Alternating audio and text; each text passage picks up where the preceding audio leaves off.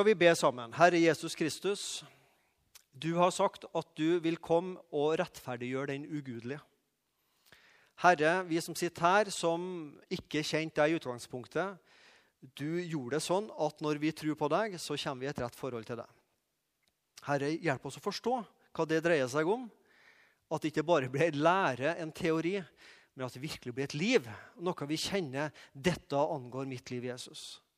Takk for at i deg ser vi ren og rettferdig og himmelen verdig. Amen. Jeg skal altså snakke om dette begrepet rettferdiggjørelse i dag. Og så syns du kanskje det er rart at det er en sånn hammer der, sånn, ja, sånn som man bruker i eh, dommere bruker. Men det har en grunn, en god grunn til at akkurat det er der. Rettferdiggjørelse, rettferdighet er, Vi har mange bibelske ord og begreper for det um, å bli en kristen. Vi snakker om at vi som kristne er gjenfødt. Vi er Guds barn. Vi er hellige. Vi er blitt Guds venner. Og så har vi blitt rettferdige. Det fins sikkert også flere andre begrep. Men dette begrepet rettferdighet, rettferdig og rettferdiggjøre, er et veldig sentralt bibelsk begrep. Paulus, som på en måte er den første teologen som på en måte prøver å sette i system hva er det den kristne troa går ut på. For han er dette begrepet rettferdighet veldig viktig. Han bruker det ca. 50 ganger i sine brev. Så det er klart, det er ikke et tilfeldig ord han bruker. Og Paulus snakker om dette begrepet Guds rettferdighet. Guds rettferdighet. Og Du har hørt om Martin Luther som levde en gang på 1500-tallet. Og I den tradisjonen han vokste opp i, så var dette begrepet Guds rettferdighet det var først og fremst en betegnelse på hvem Gud er, hvordan Gud er. Jo, Gud er rettferdig. Han er en rettferdig dommer som dømmer oss. Det er jo sant. Men så gikk det opp et lys for Martin Luther. Og det lyset er veldig viktig også går opp for deg og meg. At Guds rettferdighet handler ikke først og fremst om en egenskap hos Gud. At Gud er rettferdig. Det gjør det også. Men det handler først og fremst om den rettferdigheten Gud gir til deg og meg. Altså ikke først og fremst en betegnelse av hvem Gud er, men hva Gud gir til syndere. Gud gir sin rettferdighet til syndere. Og når Martin Luther oppdaga det, så så han evangeliet. Vi skal lese ganske langt sammen. Vi skal lese faktisk en åtte-ni vers fra Romerne 3. For ikke noe menneske blir rettferdig for Gud på grunn av gjerninger som loven krever.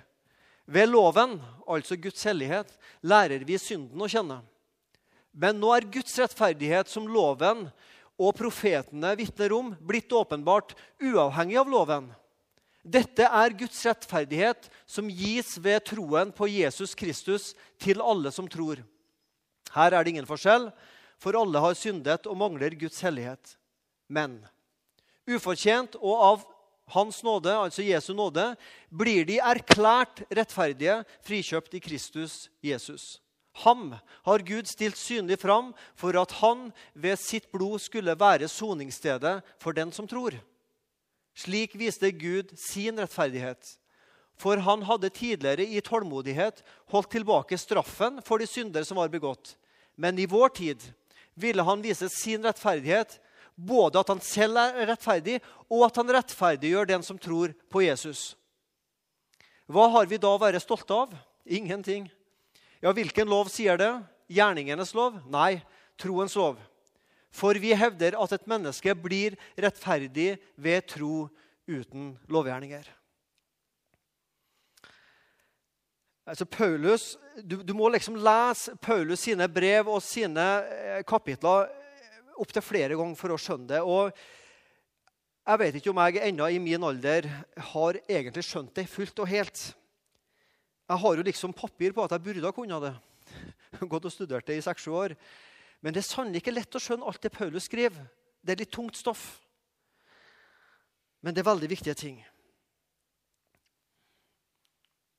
Vi mener at mennesket blir rettferdiggjort ved tro uten lovgjerninger.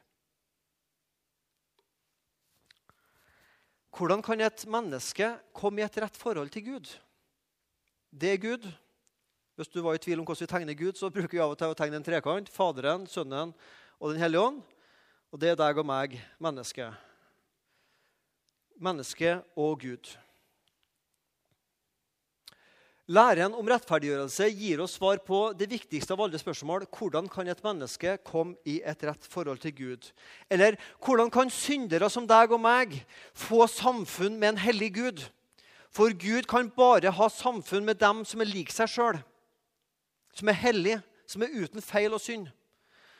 Og Det har vi oppdaga. Vi trenger ikke å bli gamle mennesker for å oppdage at jeg er ikke uten feil og synd. Det har iallfall kona mi oppdaga. Og du er heller ikke uten feil og synd. Hvordan kan du og jeg ha fellesskap med en hellig Gud? Det er et veldig viktig spørsmål. Av og til så bruker vi å si 'jeg har det godt med Gud'. Og det er flott å si. 'Jeg har det godt med Gud'. Og jeg skjønner hva folk mener når man sier det. Og jeg har brukt det sjøl også. 'Jeg har det godt med Gud'. Men hvis vi skal være litt språklige her, så vil jeg si det er én ting som er viktigere enn å ha det godt med Gud. Det å ha det rett med Gud. For når vi snakker om å ha det godt med Gud, da begynner vi fort å kjenne og føle Føler jeg at jeg har det godt med Gud? Men det er langt viktigere å ha det rett med Gud. For å ha det rett med Gud handler ikke om følelser. Det handler om et forhold, en tilstand du og jeg er i. Dette spørsmålet hvordan kan et syndig menneske kom, få et rett forhold til en hellig Gud? Det spørsmålet er det kanskje ikke så mange mennesker som stiller seg i dag.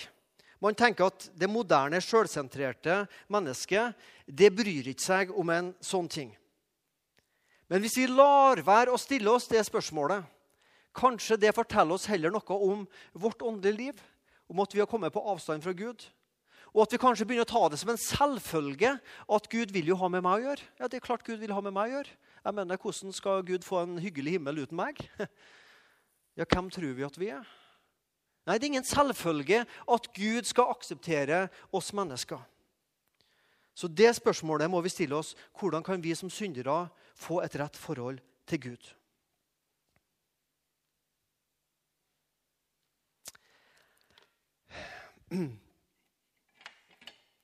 Det er mye som anklager oss som mennesker. Og sier at vi er ikke gode nok, vi strekker ikke til, og vi er syndere. Her er altså deg og meg. Dere skjønner fort at jeg fikk maks G i tegning. Det var maks. Den første som anklager oss, han tegner vi av og til sånn. Jeg vet ikke om du ser tydelig hvem det er, men det er han, han som er nedi der, som ungene sier. At han anklager meg, det, han, det, det gjør han rett som det. Du kan ikke være en kristen, du som sier sånn og gjør sånn. Ja, Det er ikke håp for deg, du som er sånn. Ja, Du er iallfall ikke verdig til å være en kristen, du som synder. Først så lokker han meg til å synde og sier at og synda er god. Og når jeg har synda, så forteller han meg at du er ikke verdig lenger å være en kristen. du som har synda. Så han anklager meg. Og han har pille med en rett, som det heter på egersundsk. Pille med en. Har jeg lært meg det er rogalandsk. Han har jammen meg rett av og til, djevelen, når han anklager. Andre som kan anklage meg, det er Tenk sånn kjole dame. Kona mi, kanskje? Jeg vet ikke. Mennesker kan av og til anklage meg. Med god grunn. Du bør, vi forventer, spesielt av deg som kaller deg en kristen Hvorfor gjorde du det? Hvordan kunne du gjøre det? Ja.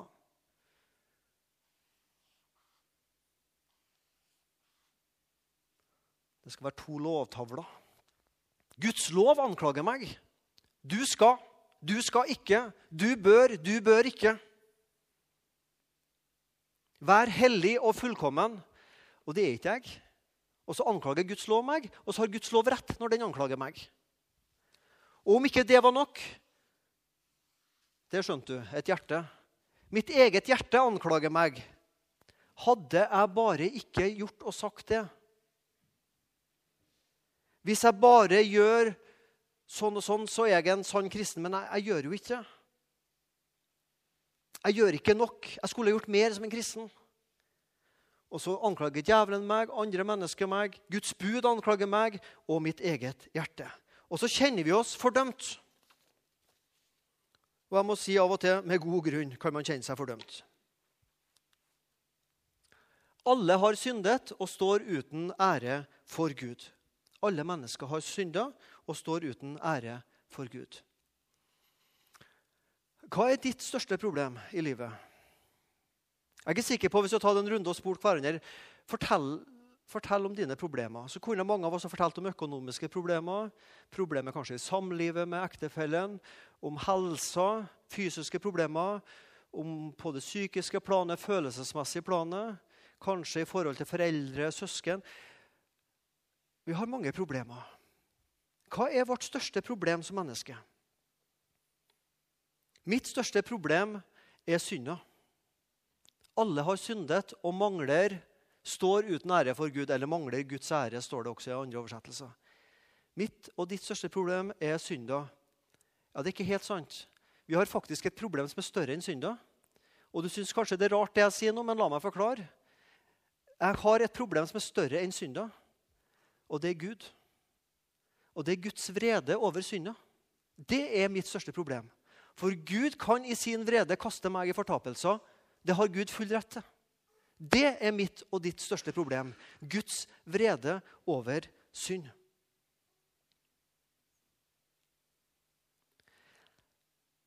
Og Hvis vi ikke skjønner problemet med synd og Guds frede, så blir dette med rettferdiggjørelse kun noe sånn teoretisk som du får undervisning om. En teori og ikke noe vi trenger. Men hvis vi kjenner virkelig på synda i vårt liv og frykten for Guds straff, da blir rettferdiggjørelse vårt eneste håp. Gud anklager meg. Guds vrede Gud kan i sin vrede kaste meg i fortapelser. Deg også. Jeg beklager å si det, men det kan Gud. Og så er vi i en fortapt og en vanskelig situasjon. Og hva er det vi mennesker begynner å gjøre da? Jo, vi begynner å prøve å rettferdiggjøre oss sjøl. Nå sier jeg vi, jeg kan godt si meg, men jeg tror også du har vært i den stillingen. Og du prøvde å rettferdiggjøre deg sjøl. Kom med noen gode gjerninger til Gud. Bønn. Jesus, bønna mi. Nå får jeg til å be litt mer. Også. Jeg lykkes mer i bibellivet. Også. Jeg vitner litt. Også. Og så gir jeg litt mer. Og så jeg går på møter. Jeg har noen tjenester. Du har gitt meg nådegaver. Jeg gjør så godt jeg kan, og jeg er en snill gutt. Og, og så videre og så videre. Og så prøver vi med lovgjerninger å rettferdiggjøre oss sjøl overfor Gud.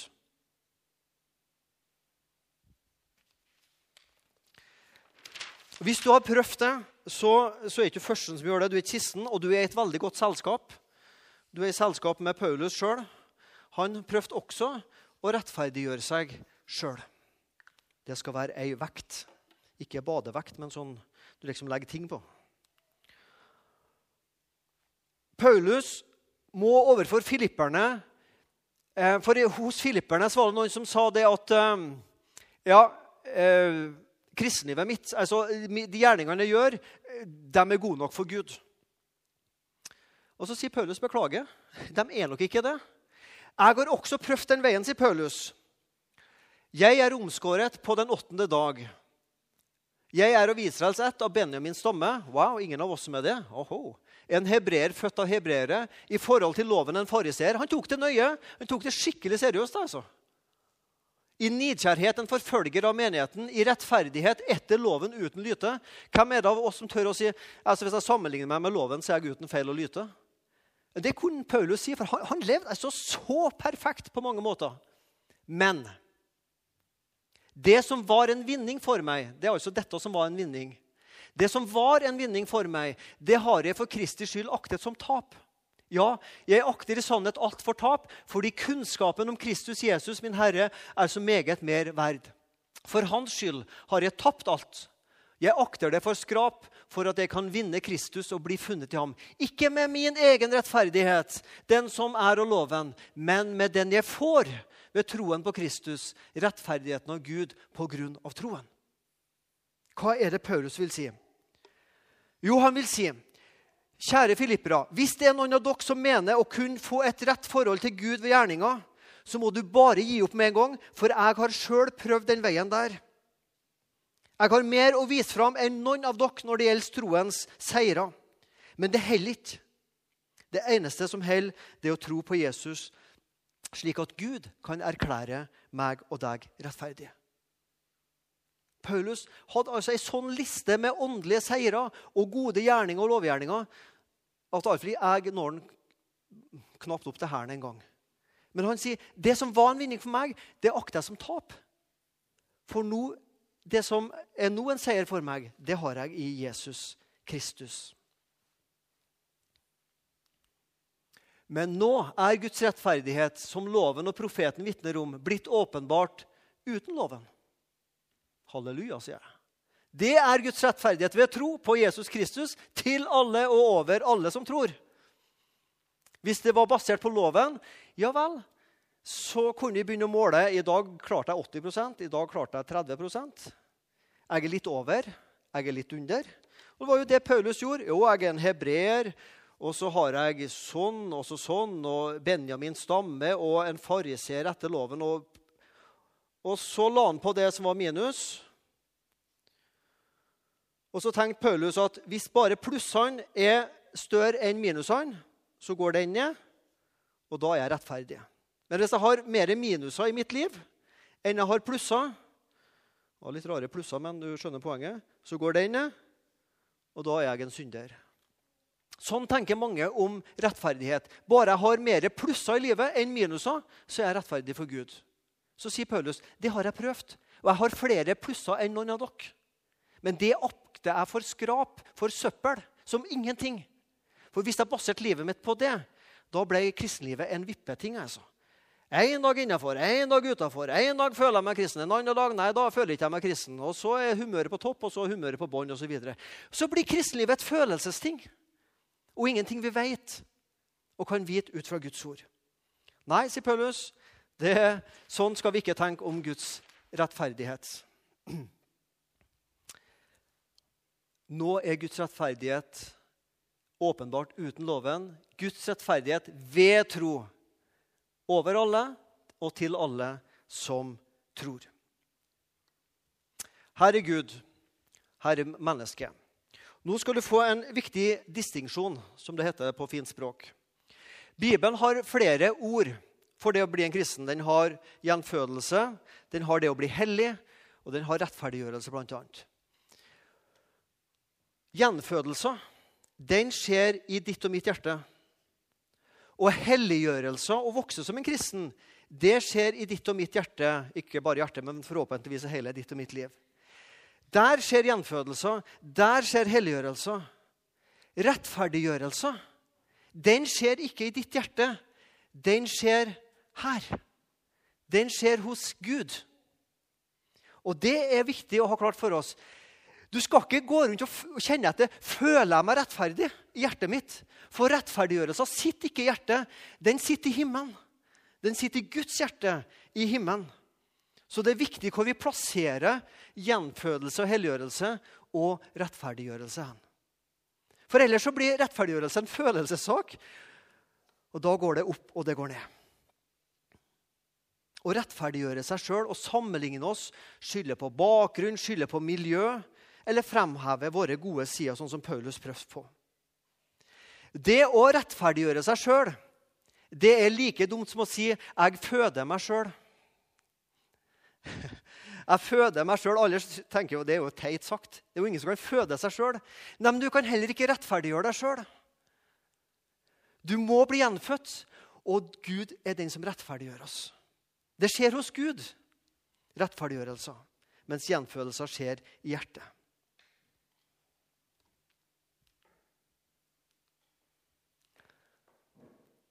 Jeg skal ta med et lite vers fra en gammel sang fra 1700-tallet.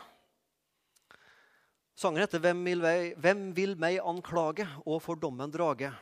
Hen til Sinai. Du kan si Det er litt sånn tungt språk hvis du leser den sangen, men du verden er mye god teologi. I siste verset Hvem vil meg fordømme? Ja, djevelen vil. Andre mennesker. Guds lov. og mitt eget hjerte vil fordømme meg. Jesu blodstrømme senker jeg meg i. Litt annen måte vi synger tekster på i dag. Gud for alle riker, ikke bare for jøder, men for hedninger og for alle mennesker. Gud for alle riker, han dømmer selv og sier, 'Denne' Og så kan du sette inn ditt navn. Du er fri. Det er rettferdiggjørelse. Det er at Gud dømmer deg som er skyldig, å være fri. Men ufortjent av Hans nåde blir de erklært rettferdige, frikjøpt i Kristus Jesus. For vi mener at mennesket blir rettferdiggjort ved tro uten lovgjerninger. Og Der er det ett ord jeg er veldig glad i, som du finner i begge disse bibelversene. Og det er ordet 'blir'. Det står ikke 'men ufortjent av Hans nåde'. Eller det står, står ikke eh, 'erklærer de seg selv rettferdige'. Men det står 'blir erklært rettferdige'. Blir rettferdiggjort. Og når vi gikk på skolen, så lærte vi at når du møter verbet 'blir', så er det passiv form. Det er altså ikke noe jeg gjør, men det er noe som skjer med meg. Det er Gud som er den aktive og erklærer meg og deg for å være rettferdig. Jeg er bare passiv og tar imot, og det er ikke bare bare det. Men det er ikke jeg og du og meg som erklærer oss sjøl rettferdig. Vi blir erklært rettferdige. Er ikke du glad for det? At det er ikke noe du finner på sjøl og fikser og ordner opp i sjøl, men det er noe som Gud gjør overfor deg. Nå hadde vi vært litt mer karismatisk, nå så hadde vi ropt halleluja. Altså. For det er det sannelig grunn til å rope dette her. Gud erklærer oss rettferdig. Vi blir rettferdiggjort. Og så er jeg så veldig glad i det begrepet 'rettferdiggjort'. For hvis jeg sier 'jeg er rettferdig', og hvis du sier at du er rettferdig, så er det så fort at vi begynner å tenke at ja, det er en egenskap inni meg. Det, det sitter liksom i min DNA, i et gen hos meg, å være rettferdig. At det er en sånn fint og flott Eh, rettferdighetsgen i meg. Men det det handler om, det er at vi blir rettferdiggjort. Vi blir noe vi ikke er i utgangspunktet. Det er altså ikke en indre egenskap i deg og meg, men det er noe Gud gir oss fra utsida og inn. Helliggjørelse, gjenfødelse, det skjer i hjertet. Men rettferdiggjørelse den kommer utafra til deg og meg. Gud sitter i himmelen en dag. Så sitter han i boka og skriver. og mm, ja, så har vi han der Svein Anton. Ja, ja, ja. Han prøver å være, og han innbiller seg, og så, sånn og sånn. Og. Men OK, han er mitt barn. Jeg erklærer ham for å være rettferdig. Så sitter Gud i himmelen, og så kikker han ned på jorda, og så finner han meg en plass nedpå der, og så dømmer han meg for å være rettferdig. Og så kan du sette inn ditt navn. Det er rettferdiggjørelse. Gud sitter i himmelen og dømmer oss ikke skyldige, men rettferdige. Syns jeg hører et lite amen til det. Halleluja til det. Litt forsiktig. For Gud dømmer oss enten skyldig, fortapt eller fri, frelst, rettferdig. Og så er jeg så glad i dette ordet 'erklærer'. Eh, men ufortjent av Guds Jesu nåde blir de erklært rettferdige. Her er det mange ektepar. Og dere har vært for pressen eller kanskje for sorenskriveren. Hva vet jeg. Hva var det pressen sa hvis dere var for pressen? Det var sikkert de fleste. Da sier pressen må du høre godt Maurits, hva han kommer til å si til deg etter hvert. Pluss ei til. Herved erklærer jeg dere for rette ektefolk å være. Ikke sant? Har du møtt mennesker som føler seg gift? Jeg, jeg, jeg føler meg gift. Altså, Jeg har ikke papir på gift, men jeg føler meg gift. Eller jeg bare kjenner det inni meg at jeg er gift. Eller vi lever i en kultur der folk er gift. Har du hørt mennesker sage? vi lever i en kristen kultur? Kristen kulturarv. Alle er jo kristne. Vi lever i en kristen kulturarv. Ja, jeg, jeg føler meg gift fordi vi, vi, lever i en kultur der folk gifter seg. Du skjønner litt av ironien min her. Nei, hva vil jeg? Det å være gift handler ikke om følelser. Men det handler, om, det handler om en sånn tørr ting som at du får et papir der det er skrevet en prøvingsattest. og Så tar du med den til et kirkekontor og så sier du at sorenskriveren eller eh, ligningskontoret har sjekka ut sånn, og det er ingenting i veien for at vi kan bli gift. Og så får du da en press eller noe sånt til å vie deg som erklærer dere for rett folk. Da er dere gift. Høres ikke veldig romantisk ut. Men det er det å, å bli gift. altså. Men forhåpentligvis så skaper det litt følelser da, i dem, dem, som blir gift. Men det er ikke følelsene som gjør deg gift, men det at du er gift, som skaper følelser hos deg. Det er ikke det at du føler deg rettferdig, som gjør deg rettferdig. Men fordi du er rettferdig for Kristus, så skaper det forhåpentligvis et amen og halleluja og jippi og hva det nå er i hjertet ditt. Det er viktig at ting går rett veien her. altså. Herved erklærer jeg deg for å være rettferdig. For det er det akkurat Gud gjør i sin himmel. Da var vi ferdige. Snart. Ufortjent, gratis, nåde, blir de erklært rettferdige, frikjøpt i Jesus Kristus.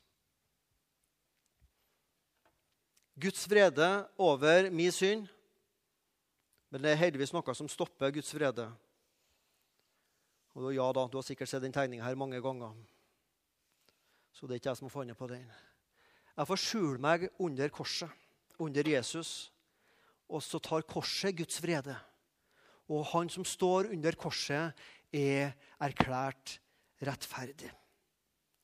Jesus levde livet jeg ikke makter å leve.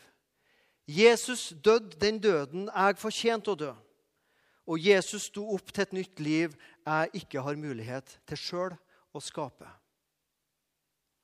Det kommer ikke an på din og min lovoppfyllelse, men på Han som oppfylte loven for oss. Og denne lovoppfyllelsen den blir din og min kun ved å tro.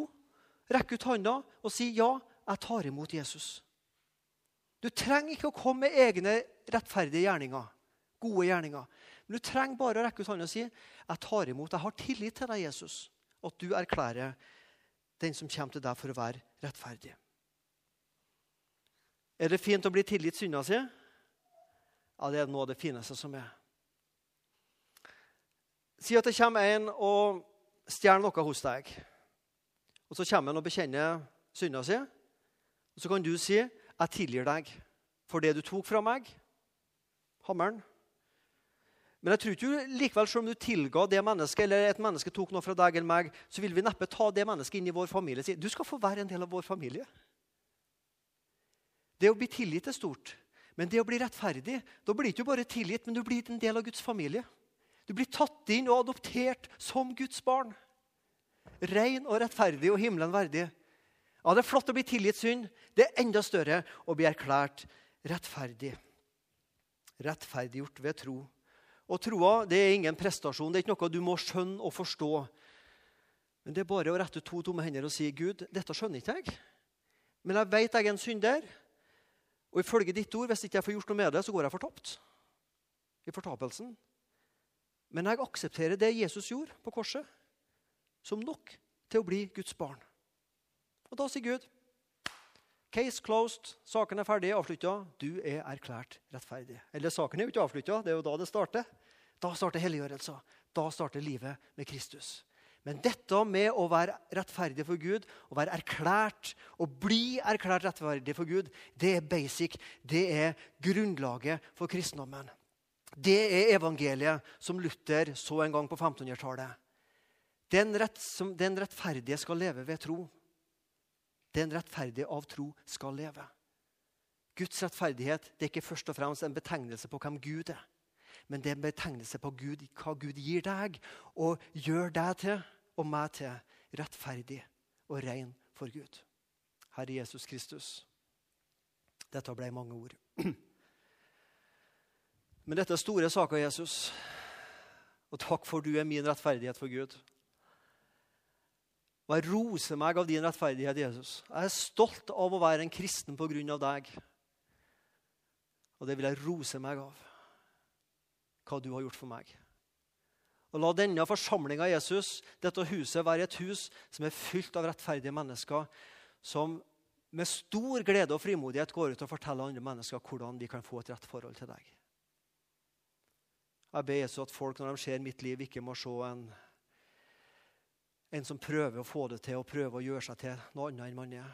Men jeg ber Jesus om jeg må leve et ærlig liv, bekjenne synd og rose meg av rettferdigheten i deg, Jesus. Amen.